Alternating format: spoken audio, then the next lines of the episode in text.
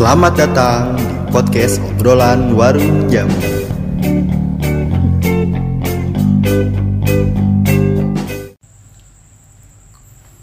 Hai, lo semua lagi dengerin podcast obrolan warung jamu bersama gue Aldiana Narki dan Dan gue Satrio dan lu siapa mbak? Eh, gue Erni Erni. Erni. Erni dan gue Erni gitu. Udah gitu doang perkenalan lu. Lah emang gue harus kenalin apa? nggak ngasih tahu zodiak lu gitu. Iya. Lu sekarang lagi sibuk apa mbak? Eh, sibuk Bertahan kerja hidup. lah biasa Eh, Cuma mungkin nggak bisa dibilang lebih santai juga sih karena WFH Justru malah jam kerja lebih panjang Tetap 8 jam tuh kerjanya. Bisa 12 jam Hah? Anjir, 12 jam. Karena biasanya kan eh, kalau misalkan kerja di kantor Masuk jam 10 ya udah kita datang jam 10 gitu kan Sedangkan kalau WFH kadang bangun jam 7 jam 8 itu udah ada WhatsApp kerjaan aja gitu Tapi lu nggak on, nggak on time aja gitu. Ambil jam 10 aja udah. Masuk jam 10 udah. Kadang sih gue toleransi waktu jam 9 lah Udah Jadi kayak balas-balasin jam gitu. 9 baru gue balas-balasin kerjaan Itu lu bagian apa? Eh, Gue sih di financial technology Terus Asik. kalau untuk bagiannya di partner development Partner Partner dev. development apaan tuh? Jadi lebih ke maintain partner gitu lah Kalau di perusahaan gue kan kita kerjasama sama eh, agen-agen nih suppliers di Jabodetabek Nah kita yang maintain nih untuk eh, kerjasama sama suppliers ini ke depannya harus gimana gitu Itu udah berapa banyak partner untuk sekarang? Sekarang kurang lebih udah ada sekitar 50-an itu di Jabodetabek terus ekspansi Surabaya Bali. Lu perantau nih sekarang. Perantau, gue perantau udah dari kuliah sih sebenarnya. Jadi nggak karena kerja juga. di- Kuliah di IPB. Jurusan Jurusan mungkin agak nggak relevan ya sama kerjaan gue sekarang. apa tuh pertanian. Bertani sekarang bertani saham gitu. Tidak Filsafat mesin. Enggak. Nggak ada, anjir. Eh, IPB pasti taunya pertanian Iya, gitu kan. Kayaknya pertanian. kalau Padahal kan masuknya bank. Udah lulus. saudara gue sih. Perbankan Bogor. Oh bener. PB. Iya bener-bener. Situ Kebangkan Bogor. Kebetulan gue dulu jurusannya di fisika sih. Fisika dasar. Eh, iya fisika murni. Pusing. Paham itu gue asli dah fisika murni tuh. Kepake ap- itu kerja. Ada sih sedikit. Ada sih gue ngomongin orang pakai rumus. Kalau kepake secara ilmu terapannya mungkin enggak sih. Oh, soft skillnya paling ya Baru dari kampung. ya. Lebih ke survive-nya aja itu mah ya. Iya. Itu ngerantau dari Lampung atau dari lu juga dari Jogja kan katanya? Eh dari Jogja dari Jawa. Eh, dari Lampung. Oh, berarti di Lampung ke eh, IPB. kebetulan orang tua gue udah di Lampung juga gitu. Baru eh, setelah kuliah Pindah ke Bogor. Iya. Semua pindah ke Bogor. Enggak sih. Lu dong. Kenapa IPB? Kenapa IPB? Sebenarnya dulu gue eh, alasan pertama gue pengen keluar dari Lampung. Kenapa? kuliah? Emang kenapa sih di Lampung seram gitu? Kan Enggak juga sih, mungkin karena mindsetnya eh, di Lampung pendidikannya masih belum terlalu bagus gitu kan. Mm-mm. Mm-mm, jadi pengennya ya yang penting keluar Lampung aja gitu dan kayak majority pasti untuk kampus-kampus yang bagus pasti adanya di, Di Jawa, Jawa. gitu Jawa, kan. Java sentris Hmm. tuh. Kebetulan dulu sekolah gue lagi bagus-bagusnya namanya di IPB jadi Oh. gue pakai jalur undangan gitu. Prestasi. Keren juga. Futsal kan lu Japres. Di di, di Lampung. Eh kalau di Lampung tuh ada mall gak sih? Ada. Lampung yo, bukan bukan Uganda. Iya. Lampung. gue gak pernah ke sana anjir masalahnya. Bukan Uganda, bukan Lampung. Gue gue ngeliat Alhamdulillah sih ya di Lampung itu udah ada mall. Terus Flyover ada. Flyover ada. Nah, dia ada pasti pasti Indomart kalau Enggak, ciri-ciri kalau itu Kota. disebut kota Iya, itu iya. karena Indomaret sama Alfamart sampingan. Ah, Untungnya di Lampung udah ada. udah ada Kota berarti berarti. itu udah disebut kota tuh. Lampung mananya teh? Gue kebetulan di Pringsewu. Kering Sewu. Itu bukan tempat makan ya. Iya? Eh kalau lu ke Jawa pasti kan Iya, ada tempat makan banyak banget. Iya, Iya. Karena ya kalau sebenarnya nama-nama daerah di Lampung hampir sama sama di Jawa. Mungkin Hmm. karena transmigran jadinya ya udahlah kopas kopas aja gitu yang ada di Jawa dibawa ke Gue mau pusing. Udah lulus kuliah. Ya udah kan udah kerja. Kan katanya tadi lagi skripsi. Oh enggak. dia tadi ngambil jurusannya Oh, Ambil iya gue skip. lu skripsi jurusannya apa? Eh ngambil ini apa? Gue eh, pasti agak-agak gak nyambung juga sih. Gue fisika terus gue neliti tentang jamur pas skripsinya gitu kan. anjir jamur. Iya. Biar gue ada kelihatan IPB IPB nya gitu lah ada pertaniannya gitu. Budidaya jamur. Magic mushroom tuh. Terus kenapa loncat? Jauh banget? Apa nggak ada tempatnya untuk kerja di bagian itu di sesuai dengan jurusan lu? Hmm, awal ketika lu lulus awal ketika gue lulus Lu sebenarnya kalau untuk jurusan fisika agak susah ya maksudnya Guru ya eh, paling bentuknya? Enggak. enggak juga sih karena kita nggak ada eh, apa sih sertifikasi keguruan Hmm. itu kan untuk eh, studi pendidikan aja Iya, kan ya PGSD. sedangkan gue kan murni gitu Eh, paling bisa masuk sih ke dunia industri kalau enggak ke eh, badan-badan penelitian LIPI kayak kayak gitu-gitu ya? LIPI, Batan nah itu kan. Cuma untuk channel ke sana juga agak susah sih sekarang. Jadi loncatnya Ya, mungkin- jauh. ya kepentok realistis lah. Realistis. Tapi sebenarnya kita nih yang sebagai anak-anak yang masih milenial deh disebutnya atau nggak tahu lah itu. Gue boomer, ya boomer lah ya kan. Milenial anjir. tapi lu soal idealis sama realistis menurut lu gimana tuh gimana tuh menurut lu kan kadang orang juga di usia segini kan karena umur masih 20 sekian ya kan Hmm. belum punya tanggung jawab banyak Mm-mm. terus kayak ya udah gue gue idealis gue pengen dengan cara gue sendiri gitu tapi kan kadang realistis iya nih gara-gara gue buat gue tulang punggung keluarga segala macam gitu. Hmm. nah menurut lu antara realistis dan idealis lu lebih condong ke mana nih untuk sekarang mungkin lebih ke realistis ya. Realistisnya. karena kalau idealis untuk ke pekerjaan nih pasti kan lebih banyak orang sekarang pasti mikirnya passion. Ah gue Passion. passionnya bukan di sini nih. Nah, passion lu apa tuh? Passion lu tuh. Iya enggak passion peneliti itu sebenarnya kalau menurut gue eh apa ya? Gue gue lupa sih pernah baca gitu di suatu LKS. bukan nama passion passion saya adalah menanam Buku padi Kalau di Jepang gitu ya, eh, sebenarnya mungkin bukan passion, tapi namanya apa ya, ikari atau apa? Hatari. Gue agak lupa deh untuk Yamaha. eh, bahasanya gitu. Cuma sesuatu yang agak mirip dengan passion juga, yang bisa yang bisa lu bikin kerja dan lu nggak ngerasa terbebani gitu kan Hmm. intinya gitu kan kalau Hmm. untuk passion gitu sebenarnya itu ada tiga eh, tiga kriteria apa yang lu suka terus apa yang eh, bisa lo kerjakan dan apa yang bisa menghidupi lo selama tiganya itu nggak memenuhi syarat itu Mm. itu nggak bisa disebut sebagai passion sebenarnya jadi kayak misalkan nih lo eh iyo gue suka eh, desain Hmm. itu masuk yang kriteria pertama love gitu kan tapi eh, untuk eh, yang kedua apa yang lo lakuin sebenarnya lo mahir nggak di situ mungkin lo bakal ngomong ah desain gue bagus kok tapi kan penilaian orang Ya, belum tentu beda-beda. kan Hmm. terus yang ketiga eh, lo bisa eh, make money nggak dari situ misalkan eh, lo yang pertama udah nih gue suka desain terus yang kedua oh Gua bagus gue nggak? bagus kok orang-orang juga bilang eh, desain gue bagus tapi yang ketiga lu bisa nggak Buat cari uang. penghasilan dari Iya. situ nah kalau selama eh, lu belum eh, apa ya passion atau apa pun itu yang lu sebut belum bisa memenuhi tiga kriteria itu sebenarnya itu belum bisa disebut sebagai Passion, passion, lu passion. juga gitu kan dan menurut gue itu nggak harus relevan sama kerjaan juga gitu mungkin lu suka gambar gitu terus eh, tapi gue nggak bisa nih kalau misalkan gue kerja cuma ngedesain doang gitu. Tapi di sisi lain eh, ternyata gue ada tawaran di eh, mungkin di eh, apa ya penerbit buku gitu kan buat eh, ngedesain cover atau Iya. apa. Nah lu kan bisa. Ternyata dengan eh, lu bisa ngerjain hal yang lu suka dan lu bisa Buat dapat penghasilan situ. dari situ. Bener gitu.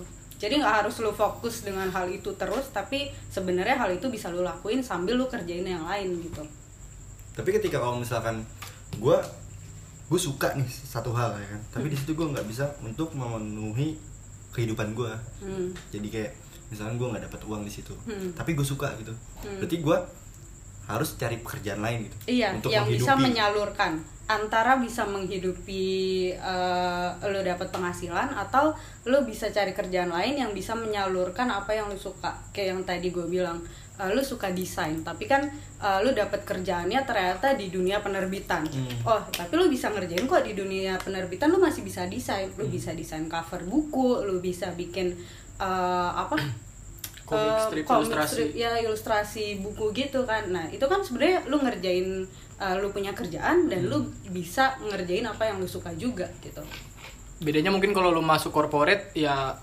by demand Iya. ngerjain ya. Iya, kalau nggak masuk corporate kan ya udah lu mau bikin apa bikin aja. Sesuka gua gitu. Iya cuman gak dibayar. Nah, kalau untuk pengaplikasian ke diri lu sendiri tuh? Kalau gue sebenarnya uh, lu sukanya di mana gitu maksudnya? Iya kok sampai loncat banget. Sampai loncat banget gitu ya. Sebenarnya gue tuh sampai sekarang pun gue masih belum tahu sih sebenarnya passion gue apa yang gue suka dan akhirnya gue bisa dapet uh, penghasilan dari situ tuh gue masih belum tahu lah sampai sekarang. Cuma gue pernah denger juga salah satu gue dulu uh, kalian ada yang pernah dengerin Adriano Colby nggak? podcast awal minggu Iya. Oh my god. Anda saya tidak tahu Akhirnya gue ketemu orang. bukan kolam tai lu berarti Bukan gue kali bener. eh iya gue Cocok cocok. Udah ngobrol, ngobrol. satu satu salah satu kalimat yang selalu gue inget dari dia tuh daripada lu pusing-pusing eh, nyari passion lu misalkan nih dari lu lulus eh, lulus kuliah 22 tahun terus selama tiga tahun lu ah gue belum nemu passion gue nih pokoknya gue masih mau harus nyari. Sampai akhirnya lima tahun dan lu nganggur cuma buat cari passion. Lebih baik lu manfaatin itu untuk eh, ya udah lu cari kerjaan yang memang eh, lu bisa lakuin aja gitu. Jadi kayak misalkan lu lima tahun gue kerja kayak gue sekarang gue lulusan fisika tapi gue jadi partner development gitu kan bukan berarti selama gue ngerjain ini gue nggak dapet apa-apa gitu Hmm. kan. Lebih baik gue jalanin sekarang dan gue mungkin gue bakal nambah skill di sini daripada selama lima tahun itu gue cuma bengong-bengong doang nungguin Iya. aduh passion gue apa? Passion gitu apa kan. nih anjing? 5 tahun gak dapet iya anjing. kan? Gitu. Itu gue selalu inget sih kata-kata Adriano itu. Jadi ya gue mikirnya iya bener juga sih daripada gue cuma nyari passion atau mungkin gue cuma nunggu aduh passion gue apa? gitu kan nggak dapat dapat Siapa gua? Gitu. Iya kan? Lebih baik manfaatin aja lah. Mungkin kalau misalkan ternyata tujuh tahun eh, dua atau tiga tahun ke depan gue nemu nih passion gue terus gue mau beralih gitu kan untuk manfaatin passion gue terus eh, gue mencoba cari penghasilan dari situ ya gue toh udah punya tujuh tahun pengalaman kerja gitu. Kalau once gue lompat ke passion gue ternyata gue gagal gue gue udah Masih bisa punya balik bekal nih, Skill, iya. tahun kerja. Jadi kerja nggak melulu soal passion ya? Iya. Tapi selama ini lu nyaman? Kerja nggak sesuai dengan apa? Lu apa yang lu inginin gak sih sekarang? Eh, sebenarnya itu sih balik lagi gue masih belum nemu sebenarnya apa yang gue pengen gitu kan. Jadi kayak yang gue lakuin sekarang kalau gue masih ngerasa gue masih bisa ngelakuin apa yang jadi tanggung jawab gue gitu kan eh, ya gue ngerasa gue masih bisa gitu kecuali mungkin kalau misalkan nanti ternyata gue ada eh, tanggung jawab yang lebih lagi dan gue ngerasa gue bukan di sini lagi tempatnya ya mungkin di situ titik jenuhnya gue ngerasa oh gue ini bukan yang gue mau gitu. jadi sebenarnya kayak passion itu ya ya apa pun Gaya gitu berpakaian. ya, kayak, iya kayak misalkan gua di umur sekian nih misalkan dari umur 20 sampai umur 25 nih gue suka nih sama desain Hmm. nah terus ntar dari 25 ke 30 gue suka nih marketing. Nah sebenarnya kan kayak susah aja gitu ya. Hmm. sebenarnya passion lu yang mana sih? Passion gua ya nggak tahu gitu kan. Kadang kan bingung juga gitu. Iya. Kayak nentuin passion. Passion lu mana? Ntar jalan kerja sedikit terus ketemu pentok nih sama keadaan bener-bener titik jenuhnya akhirnya lu cabut gitu lu resign Iya, kan. hmm. dia bilang gua nggak sesuai sama passion gue nih kerja. Padahal mah ya emang karena padahal dirinya sendiri juga belum tahu Iya, passionnya nggak tahu, apa kan. gitu kan. Itu sampai kapan gitu? Pencarian itu kan sebenarnya Hmm, tapi hmm, hmm. Dibanding lu diem-diem aja bengong-bengong aja ya udahlah ya. Hmm. pencarian bisa-bisa aja gitu.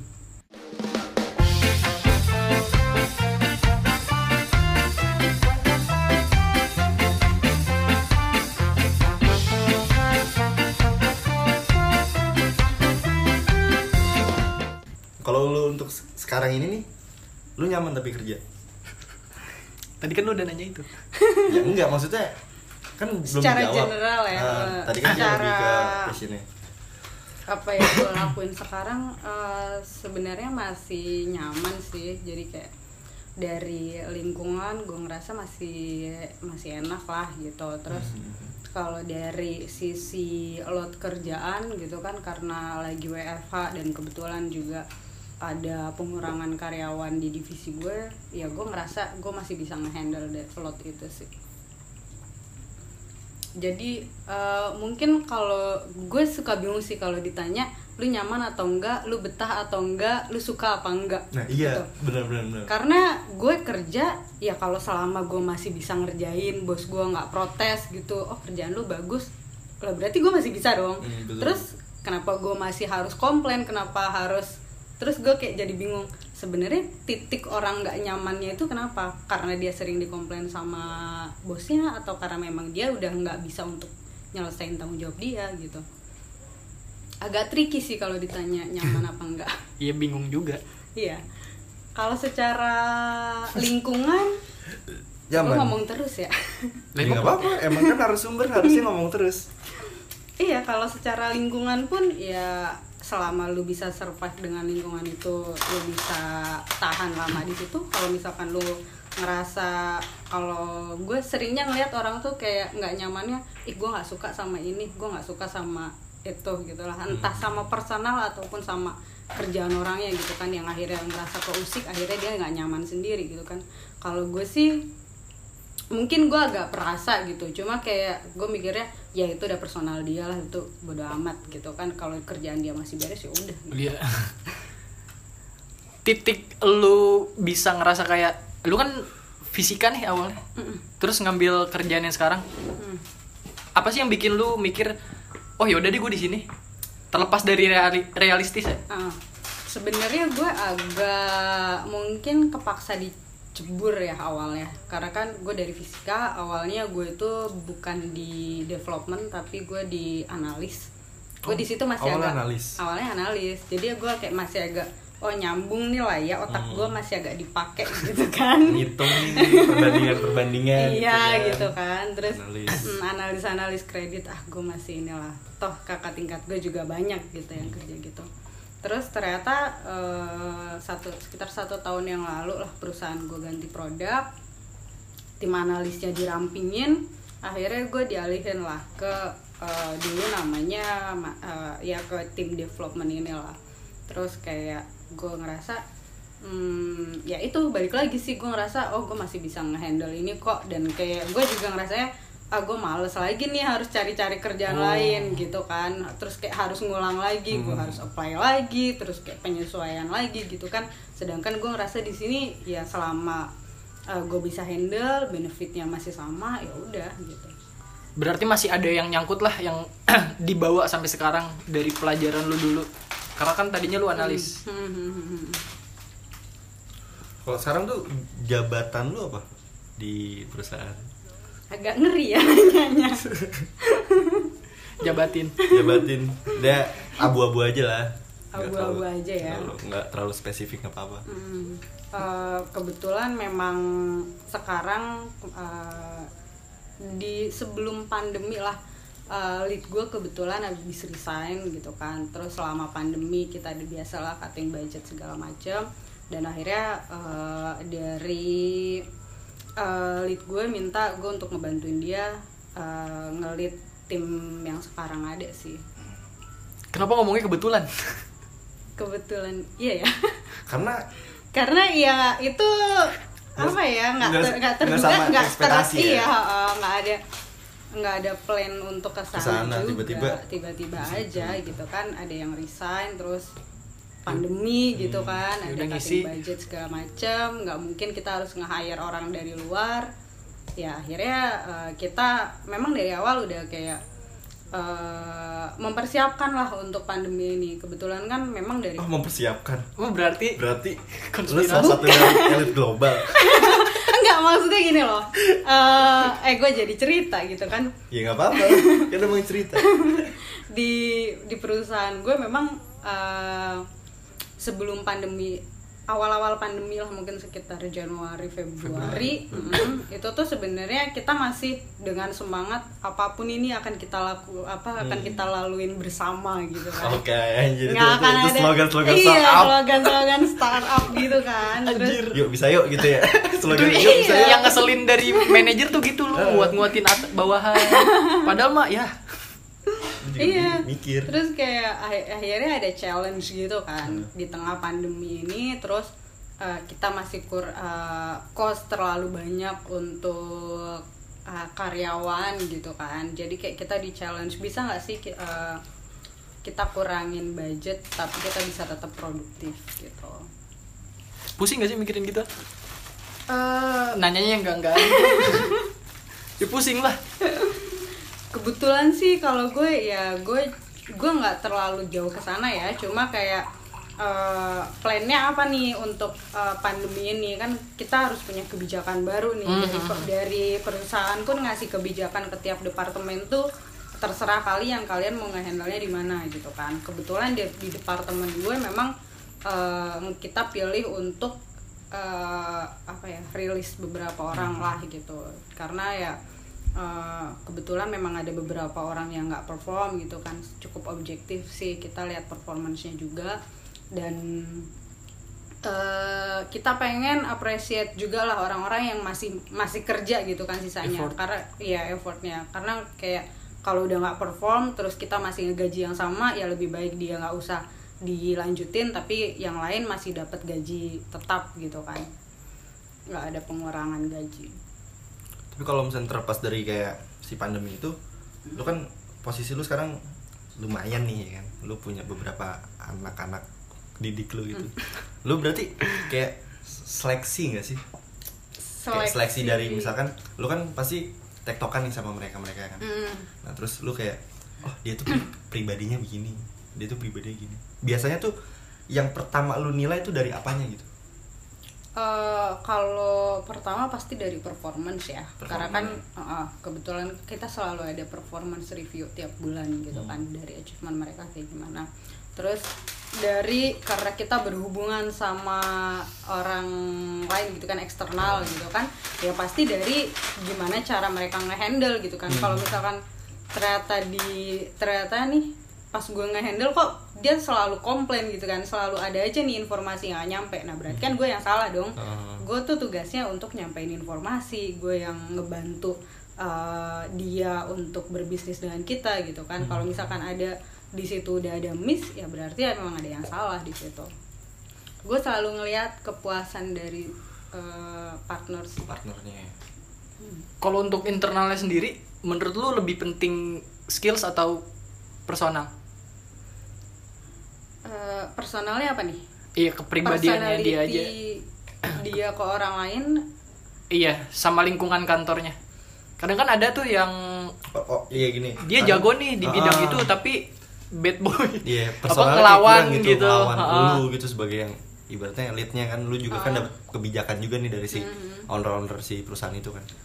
eh kita, kita ngelihat dua-duanya sih. Jadi kita lihat ada dua aspek sih pasti setiap perusahaan punya tuh performance sama culture. Kalau misalkan kita lihat performance-nya bagus gitu tapi ternyata dia culture-nya itu toxic gitu.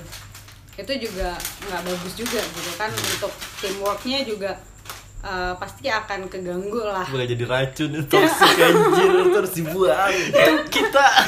Iya kira gue waktu itu nih sharing-sharing juga dan gue tuh kebetulan dulu pernah kerja sama si Ocong nih. ah Nah. oke oke Gue juga tipikal orang-orang yang gue perform perform gitu kan. Hmm. Tapi ada suatu kebijakan yang menurut gue nggak efektif gitu. Iya. Dan akhirnya gue lawan tuh tuh manajer.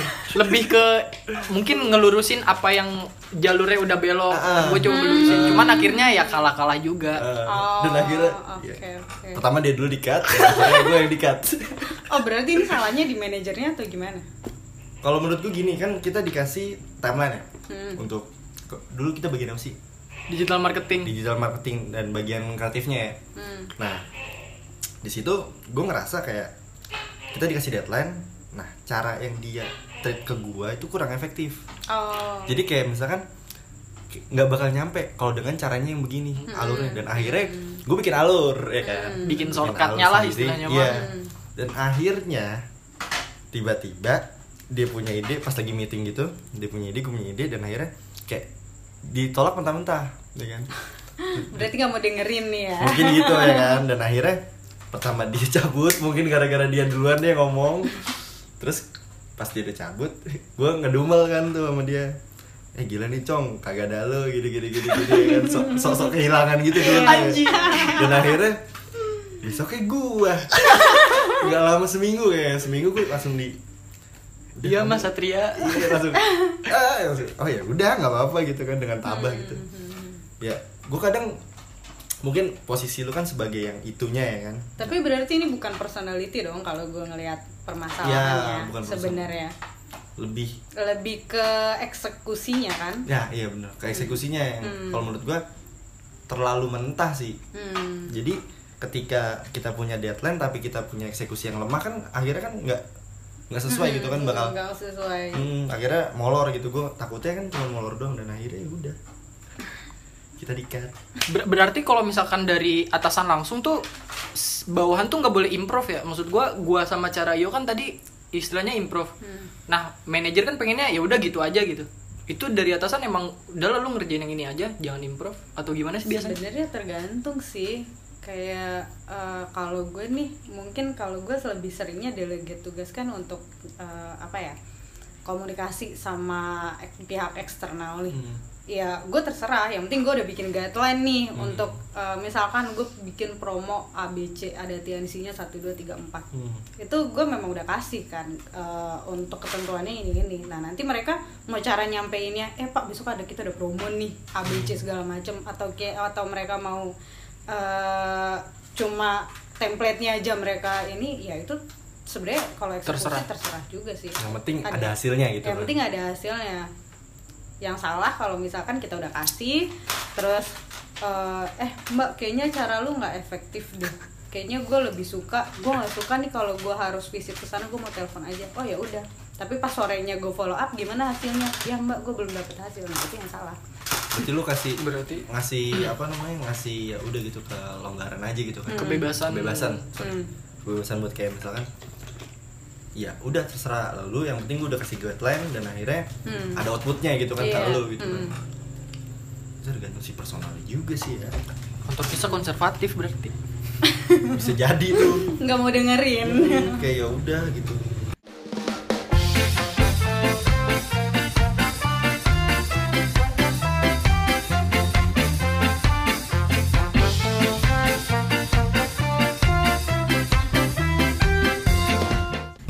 kerjaan hariannya ngapain sih? Kerjaan harian gue eh, pagi kebetulan gue dapat Kebetulan lagi. eh, iya ya bocah kebetulan berarti. Lu lahir juga kebetulan kali iya di download. Kepencet ya. Iya, aduh kebetulan. Kayaknya sih subuh subuh soalnya. Oh iya. Aku nggak denger. Subuh subuh anjir. Iya itu tadi pagi-pagi ngapain? ya. subuh subuh juga tuh anjir. Kan subuh per pagi ya?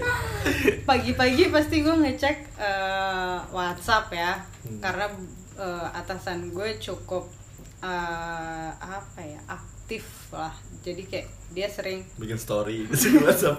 Nggak dong. Kenapa centang duanya dimatiin? Nah itu biasa checklist biru. Oh iya bener.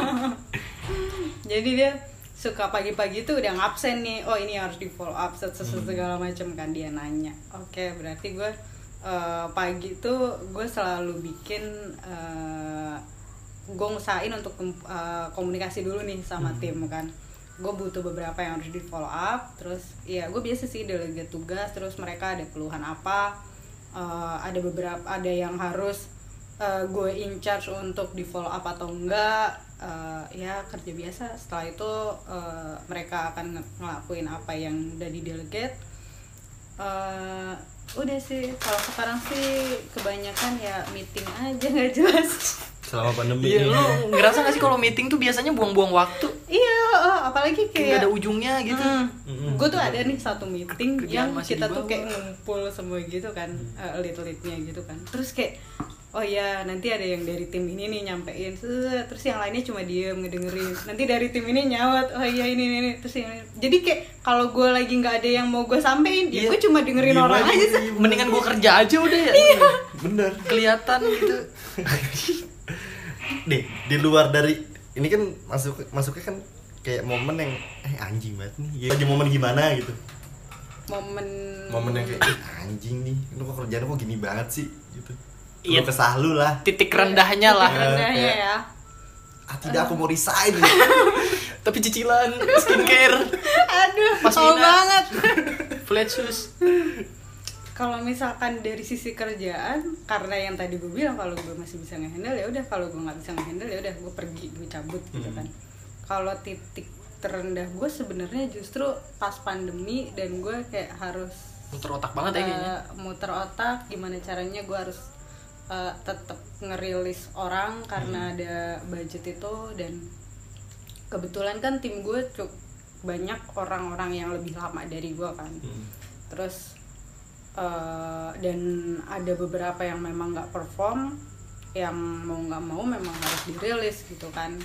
Sebenarnya gue ngerasa itu titik titik terendah gue lebih ke situ sih bukan bukan gimana gue handle kerjaan gue sendiri justru justru kayak karena gue harus kasih kebijakan dan mungkin orang-orang yang kayak hidup ya dia- orang nih iya dia mungkin nggak entah nggak terima atau kayak ya apa ya ya gimana sih dia di istilahnya kan gue kayak ngerasa mutus rezeki orang tapi kayak Ya, gimana SOP-nya begitu? ah, ah, SOP-nya Iya, begitu SOP gitu begitu, kan bener. Di Lu pernah lain ya, ancaman-ancaman gitu sih? gue gitu kan Nah iya tuh itu kadang suka apa namanya suka kayak agak berat kan Hmm. di sisi lain lu udah berat eh karena hubungan teman gitu kan Hmm. lu dekat segala macam. Nah terus kebetulan dia juga under lu gitu. Hmm. Nah terus dia kagak perform nih ya kan Hmm. ngomong ngomongin "Eh, ini gimana ya ya kan nah, pengen ngomong eh, gue mutus rezeki orang segala macam. Lu mikirnya itu iya sih bener tuh kebijakan Iya. yang paling iya itu momen itu tuh anjing sih. iya dan kayak orang-orang tuh kayak untungnya nih ya gue punya eh, gue sih eh, untungnya eh, kejadian itu tuh pas WFA jadi kayak gue bisa mutus komunikasi istilahnya nih ya gue bisa nutup eh, kuping gue sendiri lah gue Karena mau jauh tahu ya. nih. iya terus gue juga nggak mau tahu nih urusan-urusan di kantor yang departemen lain punya kebijakan lain atau eh, yang sama atau enggak Hmm. gue tuh bener-bener nggak tahu gitu kan kayak iya juga sih. Ketemu-ketemu canggung tuh pasti. Parah. Nah, Eh, eh, parah eh, eh, sih. eh, Eh sehat? enggak enggak enggak. lu Eh, masih gitu. mending lah mau ditegor eh Wah kalau dijutekin lu pernah nggak dijutekin tuh? eh bukan dijutekin lagi gue tuh gimana ya di unfollow. Eh, gila, emang lu sok apa? Kalau di unfollow sih gua ya whatever lah ya kan. Kalau misalnya sampai pas ketemu eh terus dia cabut, wah anjir itu gokil. Lu pernah nggak sih kayak gitu? pernah Itu gimana tuh? pernah Itu kejadiannya kenapa gitu gara-gara apa? gara-gara ini jadi eh, apa ya gue harus ngerilis beberapa orang dan itu memang temen gue sendiri kan. Terus gue nggak tahu lah eh, mereka memang nggak terima sama keputusan itu atau Hmm. mereka memang sebenarnya nggak apa nggak suka ya gue nggak tahu lah antara personal atau apa gitu. Intinya kayak mereka langsung nutup diri juga gitu dari gue kan. Dari awal eh, kebetulan yang infoin masalah itu bukan gue sih jadi lead gue yang infoin langsung ke mereka Eh, di hari mereka dapat informasi kalau mereka akan dirilis itu mereka langsung cabut dari grup bareng-bareng. Anjir. they didn't even say Itu kompak goodbye banget itu gitu orang, kan. keren, keren, keren. mereka nggak pamit sama sekali gitu kan. Terus gue kayak anjir ini orang. Gua nunggu di kick sih. Loh, Kalau enggak maksudnya nunggu- gini loh. Kalau eh, gue ngerasanya lu mungkin ngerasa nggak terima gitu dengan keputusan itu Hmm. tapi lu masih punya attitude loh Iya sih. Harusnya. harusnya, gitu Harusnya. kan itu yang kayak gue gue agak menyesalnya di situ terus kayak di sisi setelah itu kan ya gue ngerasa gue sebagai eh, ya gue nggak tahu mereka nganggep atau enggak tapi gue ngerasa gue sebenarnya eh, mungkin bisa untuk eh, nyelamatin mereka tapi ternyata gue enggak gitu kan. Oh. dan akhirnya karena mereka nggak ada apa ya mereka nggak ada pamitan atau apa ya gue kayak gue nggak nggak bisa dibilang formalitas aja sih karena gue juga masih ngerasa dia temen kan. Ya gue kayak ngechat satu-satu aja gitu kan. Hmm. gue kayak ya gue say sorry lah gue nggak bisa bantuin gitu kan. Karena ya kebijakan itu mau nggak mau emang harus diambil gitu kan. Terus satu-satu gitu kan. Orang mungkin kayak eh ngomongnya lu ngapain sih ngeladenin mereka gitu kan harus chat satu-satu. Tapi gue di sisi lain gue masih ngerasa gue lead dia terus gue nggak bisa bantuin mereka ya gue harus minta maaf gitu di kan. sisi lain juga di sisi lu lain gue iya gue teman mereka gitu kan. Kalau misalkan eh, mereka nggak mau nganggep atau mereka nggak mau ngerespon ya itu berarti hak mereka gitu. Iya. gue punya hak untuk eh, mengutarakan apa yang gue rasain juga gitu dan mereka juga punya hak untuk nggak ngerespon. Jadi ya gue eh, setelah itu mereka nggak mau bales atau apa ya Ya udah udah. gitu kan. Dan kayak yang lu bilang gue nyamperin terus kayak terus tiba-tiba ditinggalin ya gue pernah gitu kan. Setelah itu kan lebaran lebaran tuh kan kebetulan pada ke kantor kan. Terus gue kayak ada Gua satu orang. gitu nih nastar. Untung nggak seniat itu. Oh, itu gue ya? makan sendiri kalau nastar. Lu makan di mata pencarian lu ini sebenarnya gila sih maksudnya lu ketemu maksud itu momennya juga lebaran kan? Hmm, maksudnya kayak oh ya udah gue kayak lebaran ya lu kak datang ke kantor ketemu banyak orang semuanya pasti disalamin dong. Biasa. Terlepas dari masalah itu Terlepas, gitu kan? iya gitu. kayak eh gue minta maaf deh. Heeh. terus Abis orangnya langsung itu- gimana tuh? Cabut? Iya biasa salaman terus dia pindah cabut. ketus banget ya. Tapi emang iya sih gue kadang berat juga sih kayak sebagai lu leader juga kan Hmm. ketika lu ada masalah sama si teman-teman lu dan akhirnya lu memutuskan untuk ya udah lu nggak bisa di sini lagi itu kan Hmm. kadang itu pilihan berat banget gak sih kayak Ya berat, tapi kan mereka juga nggak mau tahu gitu kan. Mereka kan taunya ah lu udah mecat gue gitu kan. Tapi mereka nggak mau nggak mau tahu gitu. Kalau gue sebenarnya kayak ngerasa eh, ya sebenarnya ini beban juga buat gue buat Iya, beban. bisa Oh, ngerilis lo gitu kan. Gue masih punya hati lu temen gue gitu. Gimana gimana juga. Tapi ya mungkin mereka nggak mau tahu juga gitu kan. berarti menurut lu penting gak sih antara atasan dan bawahan punya gap jadi nggak terlalu deket banget gitu biar nggak apa istilahnya baper gitu kalau misalkan ada apa-apa eh kalau gue sebenarnya sampai sekarang masih nggak ada gap sih. Jadi kayak Iya. sebenarnya gue masih open aja gitu sama mereka. Cuma kan mungkin kita ada batasan ya. Yang kayak kalau kebijakan ini kan ya gue nggak punya hak banyak di situ gitu. Kalau misalkan di yang lain gue prinsipnya selama lu ma- selama gue tahu apa yang lu lakuin dan lu gue tahu lu nggak salah gue akan bela lu gitu. Hmm. tapi kalau misalkan lu udah keluar jalur lu ngelakuin hal dan gue nggak tahu gitu kan itu lu harus terima konsekuensinya. Iya sih bener juga tuh. Susah tuh. Soalnya waktu gua di kantor yang itu tuh gua rada-rada ngejaga gap antara lingkungan Hmm. kerja sama diri gue sendiri. Kayak ya udah kerja kerja nongkrong nongkrong gitu. Oh. Nggak banyak cerita ke atasan gitu walaupun itu udah di luar jam kerja. Hmm. karena dia udah ngebaca apa ya kartu lu ibaratnya kan. Iya bisa jadi aja ditarik-tarik ke urusan kalau gue karena awalnya dari temen kali ya maksudnya kan gue awalnya di level yang sama nih sama mereka kan. Gue temenan sama mereka ya gue cerita. Cuma memang gue setuju sih sama lo ada hal-hal yang eh, perlu kita ceritain ke orang dan ada yang enggak gitu. Dan itu emang yang selalu gue jaga gitu. Gue tuh selalu bilang kayak gue tuh kalau mau cerita ke orang gue ibaratin gue nabung gue punya Oh. gue punya kebebasan gue punya hak untuk milih bank mana yang akan gue tuju gitu kan. Kalau misalkan gue cerita ke iyo bagian ABC belum tentu gue akan cerita bagian ABC juga ke lo gitu. Eh, jadi ada porsinya juga ada ya? porsinya masing-masing. Gitu cong. Cuman kalau kayak gitu kadang nggak dapet juga chemistry-nya waktu kerja. Iya iya. Nggak enaknya kayak gitu. Jadi ser- eh, gimana jadi kalau kerja ya? Kalau menurut gue sih Iya emang emang susah sih kalau gimana ya? Temen udah lu temen lu udah lama belum sama temen? Ya baru? semenjak gue masuk lah kerja sekitar setahun setengah. Iya sih kadang juga ribet juga sih. Kalau misalkan kadang lu setuju gak sih kalau kita tuh bermuka dua juga gitu? Misalkan ketika lu kerja lu dengan diri lu si Ernie yang ini gitu. Hmm. pas ketika nongkrong lu jadi si Ernie yang ini gitu kan Eh, mungkin itu balik lagi ya bukan bermuka dua sih ja- jadinya Memposisikan Jadi diri. memposisikan diri Oh, iya, aja iya, lebih ke gitu. lebih ke memposisikan diri ketika eh, gue kerja terus gue harus nge-report ke lead gue ya gue memposisikan diri sebagai eh, gue bawahan yang harus nge-report gitu. Apa pun yang dia minta ya gue akan eh, kasih gitu. Dan pas gue ke tim gue ya gue pun akan melakukan hal yang sama. Hmm. tapi ketika eh, di luar jam kerja atau misalkan ketika lagi ngobrol santai ya kita ngobrol santai sebagai temen gitu. Berarti itu tergantung profesionalitas lu aja ya Mm, mm, gimana dan ya penting sih cara memposisikan diri itu kadang juga orang ketika lu punya salah nih lu atasan gua gua punya salah lu tuh mang, eh, mengaitkannya dengan personalitas, tuh. Nah, Nah, iya, itu, itu yang bahaya. Itu Nggak yang bahaya. Uh, Benar. Sebenarnya itu jatuhnya sama kayak case gue gitu kan. Uh, di lingkungan kerja kan kita udah ngomong nih performance lu sekian sekian gitu kan dan lu akhirnya- tapi kan akhirnya mereka nggak mau tahu dan jadinya berkebawa ke personal Iya, gitu kan. hmm. Ah, gue jadi males nih sama, Sama lu lu. ngobrol gitu. Padahal emang ya udah kebijakannya kayak gitu mau Iya, gimana uh, lagi? uh, Gue uh. cuma ngejalanin itulah tugas yang, aja. mm-mm. Memang harus dibedain sih dunia kerja sama uh, personal gitu. Lu sering ngerasa ada gap gak sih kalau misalkan lagi ngobrol gitu di luar sama orang kantor? Sama bawahan lu? Terus dia kayak mau anjing gue mau cerita ini cuman takut nih. Lu sering ngerasa gitu gak? Enggak sih. Belum.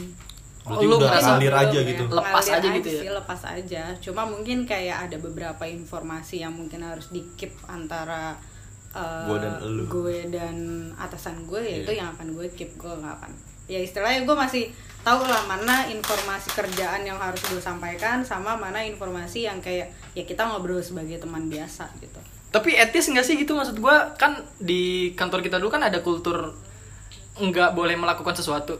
Nah, sewaktu-waktu gue ngelakuin itu di luar jam kerja dan bukan di kantor. Terus ada atasan gue datang. Terus gue takut untuk ngelakuin itu. itu di luar jam kerja Iya, jadi, jadi- gini ceritanya gue selepas pulang kerja se- selepas jam kerja gue nongkrong di depan Indomaret Alfamart. Alfamart nah pas gue lagi ngerokok ceplas ceplos ceplas ceplos der dateng lah dia posisinya apa sih HRD. HRD ya kan der si Ocong matiin rokok gue panik dong kenapa Dan kultur di kantor gue nggak boleh ngerokok. iya nggak boleh ngerokok Kayak gitu. tapi kalau udah di luar jam kerja menurut gue udah ya bebas terserah sih. lu kan Iya, harusnya kan harusnya. dan itu juga udah jauh banget gitu kan Heeh, heeh. Nah, si Ocong matiin rokok. Gue nanya, kenapa Cung? Itu tuh ada pak ini nih. Gue liat, anjir kayak sekolahan. Akhirnya gue taruh rokok gue di bawah. Terus, pada ngapain? Belum pu- belum pada pulang, masih pada nongkrong. Iya pak, udah tuh. Akhirnya, Satgas. udah, gue kira ngobrol-ngobrol ngomongin tuh orang. Dia keluar kan, terus, yaudah saya duluan ya. Nah, dia cabut. Nah, si Ocong nyetel rokok, gue lanjutin rokok gue lagi. Terus, ya anjir kayak sekolah juga ya. Kadang-kadang, ya gue nggak tahu sih ya. Dan besoknya dibahas di meeting. Oh. Ya. Menurut lo etis nggak sih kalau kayak gitu? Menurut gue kalau udah jam udah di luar jam kerja itu udah ini sih udah bebas sih Mungkin dia saat harusnya kan kayak ya lu nggak mungkin lu kerja terus lu nggak punya kehidupan privacy lu sendiri Nah, kan ngomongin soal privacy juga nih. Gue banyak banget kesel soalnya. Menurut lu Bisa, kerja ini, ini, ini ini lebih sih. lebih lebih ini ya lebih banyak curhatan kalian kayaknya Dari tadi kan lu yang curhat nih. Oh, iya. Gue gue kayak kayak nih mumpung ada tempatnya pas ya, nih. ada jabatan yang seperti lo gitu kan dan Gue gua pengen dulu- tahu dari Ah, sisi sudut pandang lunya, lu, ya. ya. Ya menurut lu kerja kantor tuh mengikat banget gak sih sama kehidupan lu? Maksud gua makanya kenapa orang-orang yang susah resign dari kantor kan karena kerjanya ya udah gitu ngiket banget ke lu lu walaupun libur masih harus ngerjain revisian segala macem gua waktu dulu ngantor ngerasainnya gitu sih Hmm. hmm, jadi kayak ya udah gitu lu nggak bisa keluar dari situ hmm. Eh, enggak sih. Kalau menurut gue ya lu kerja tapi lu masih harus punya kehidupan sendiri dong. Maksudnya kayak ya masa lu nggak mau menikmati hidup lu sih? Lu nggak mau sabtu minggu mau nongkrong atau yang lain mau gitu cuman kan. nggak bisa. Kalau menurut gue sih eh, selama di weekdays dan selama hari kerja dan di jam kerja ya mungkin eh, gue punya tim gue sendiri dan gue harus ngelakuin eh, apa yang udah jadi tanggung jawab gue sama kewajiban gue gitu kan tapi gue pun nggak mau kalau misalkan eh, tim gue ini nggak punya kehidupan sosial ya pasti butuh lah kehidupan sosial dia mau ketemu temennya dia mau apa ya itu udah jadi hak mereka gitu Berarti nggak melulu soal kerja kerja kerja. Enggak, ya. justru Dia kerja tipes. justru eh, kita perlu eh, balancing antara kerja sama kehidupan sosial. work life itu gue setuju banget tuh. Iya. Makanya gue kadang sayangnya nggak semua orang kayak beliau Iya beliau. berasa tua banget Anjir beliau, seperti beliau gitu. Iya gue kadang ngerasa gini sih. Kenapa kayak di luar luar mungkin yang gue tahu kayak di negara mana Tapi- gitu kan. Hmm. Mereka kerja kayak cuma 4 jam atau 6 jam segala Hmm. macem Hasil yang di apa? Yang di outputnya itu Output itu lebih sama, berkualitas. lebih berkualitas gitu. dibanding kita nih yang monoton kerja 8 jam, Hmm. ah, capek doang. Nah kan di sisi lain kan kita juga punya kehidupan sosial juga kan. Hmm. Nah mungkin gue ngerasanya kayak kayaknya ada yang salah nih. Sebenarnya mungkin kalau menurut gue ke produktivitas juga ya Hmm. justru eh, kalau orang-orang tuh ngerasa aduh gue disuruh lembur mulu lembur mulu sebenarnya yang jadi permasalahan kenapa lu bisa lembur time manajemen lu nggak bagus Nah menurut lo apa? harusnya kalau lu bisa ngerjain semuanya tepat waktu ya lu nggak perlu lembur jadi yang bisa manage antara lembur sama enggak kan sebenarnya diri sendiri Diri sendiri gitu. ya? iya kecuali kalau memang lu ada apa ada eh, ker- pekerjaan tambahan yang memang harus dikerjain itu beda lagi ya tapi kalau misalkan cuma kerjaan biasa gitu terus yang harusnya jam 6 lu udah bisa pulang tapi ternyata lu belum ya berarti itu manajemen time di diri lu juga gitu Nanti kebanyakan bengong lah itu kerja. iya gak sih? iya Dua jam bengong. dua jam tidak melakukan apa-apa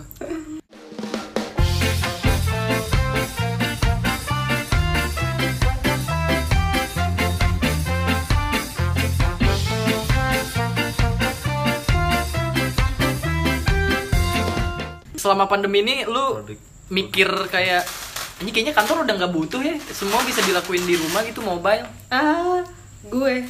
Gue ngerasa gue nggak butuh kantor tau Eh, iya kan kebayang sekarang anjing ngapain sih? gitu. Tuh nggak di bulan eh, gue kan kebetulan eh, WFH itu udah dari sekitar Maret pertengahan ke akhir lah ya udah berapa Maret. bulan tuh? April Mei Juni Juli Agustus Juli hampir Empat- lima hampir bulan lima bulan. hampir lima bulan tuh kan di bulan pertama itu kan orang-orang aduh gue jenuh nih gue jenuh WFH oh gue senang WFH Itu setelah tiga bulan biasanya tuh, iya kan? Iya, di bulan- eh justru dari bulan pertama kedua tuh orang-orang Oh, udah, udah. pada aduh gue udah nggak tahan di WFH gitu kan Oh. mereka biasa aduh biasa pulang kerja nongkrong segala macem ini nggak bisa gitu kan gue enggak aduh gue menikmati WFH sampai sekarang gue kayak ngerasa eh, kayaknya gue nggak butuh kantor sih.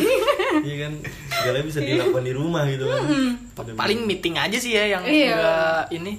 Ya paling meeting yang kayak eh, agak hmm, agak kadang bikin apa ya jam kerjanya jadi panjang gitu kan. Meeting.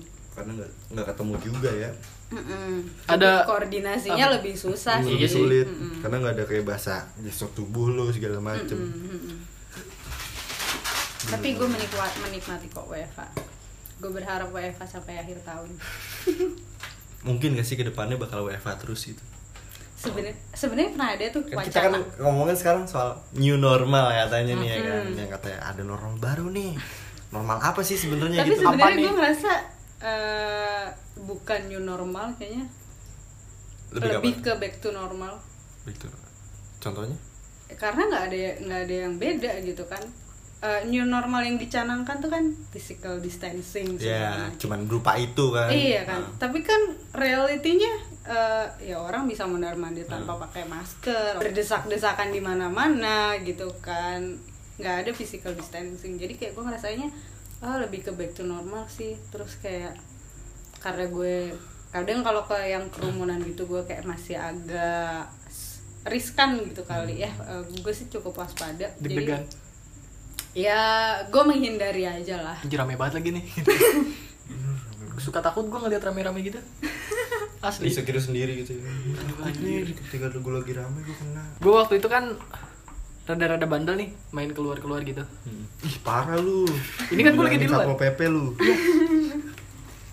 main ke ya daerah-daerah yang masih ada sawah-sawahnya gitulah istilahnya. Nah waktu di situ gue ngeliat banyak ya udah anak SD udah mulai sekolah, SMK udah mulai sekolah, nggak pada maksud gue pakai masker ya udah seadanya aja gitu. Dan gue ngebandingin sama yang di kota, kayaknya di kota tuh terlalu banyak standarisasi tuh gak sih lu? Terlalu musingin. Kalau di kampung kan ya udah sekolah, ya udah sekolah gitu, nggak terlalu banyak hal yang distandarisasi. Lu ngerasa kayak gitu gak sih? Kayak ya udah gitu. Di kok di apa ya sebut daerah kali ya. Kalau di daerah gitu nggak terlalu pusing mikirin yang lain. Terus sekolah sekolah aja. Udah mulai banyak rame pasar rame segala macem. Iya sih. Dan itu yang bikin stuck sih kalau menurut gue di sini. Kayak banyak banget standarisasinya. Iya, lu jadi bisa takut. jadi sih. Kalau gua gini cong lu di kota, di kota. Tingkat untuk migrasi itu kan cepat ya rotasinya gitu. Mobilitasnya. mobilitas sorry. Mobilitasnya lebih cepat kan dibanding Hmm. di desa. Mm-mm. jadi ya mungkin kita terlalu dis- defensif di sini ya karena kita muter nih orang orang Bogor ke Jakarta. Ada kembali lagi tuh tar. Terus kena iya virus. ha-ha, benar-benar kebayang gak tuh? Iya.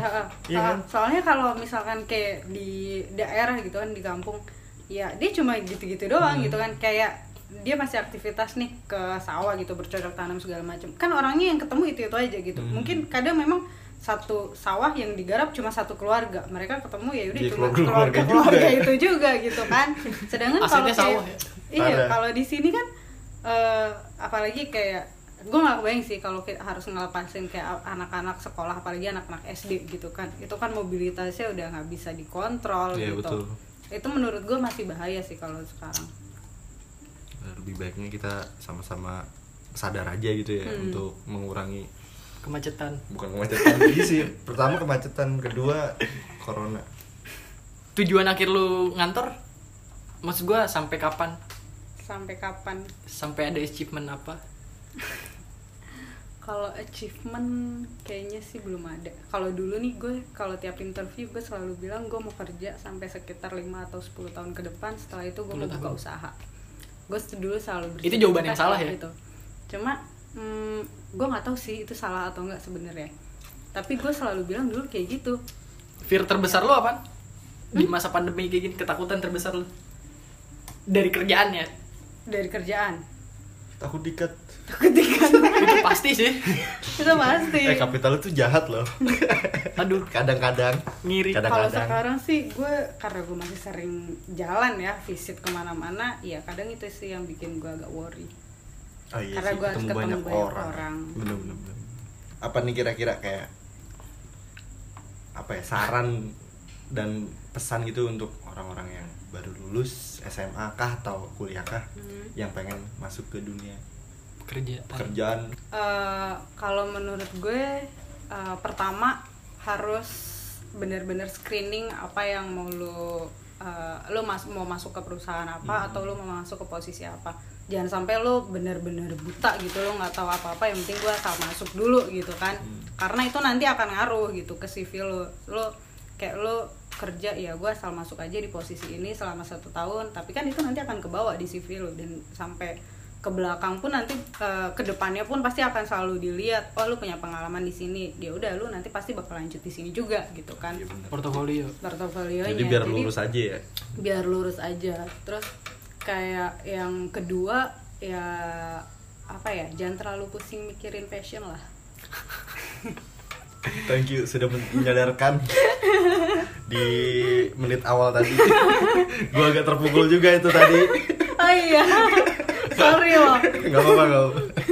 tapi menurut gue itu penting sih Iya, karena bener. ya ya daripada lu buang-buang waktu selama lima tahun cuma diem bengong aduh passion gue apa ya oh ini enggak itu enggak lebih baik lu lakuin untuk hal-hal yang mungkin lebih berguna dan lu bisa dapat update skill yang lain dan eh, ketika lu dapet passion lu lu coba ke situ terus ternyata lu gagal lu masih punya eh, pengalaman lah Hmm. Mumpung masih yang muda lain, ya. mumpung masih muda justru kayak eh, pas masih muda banyak banyakin deh eh, apa Pengalaman. ya pengalaman Sama ngeberontak gak?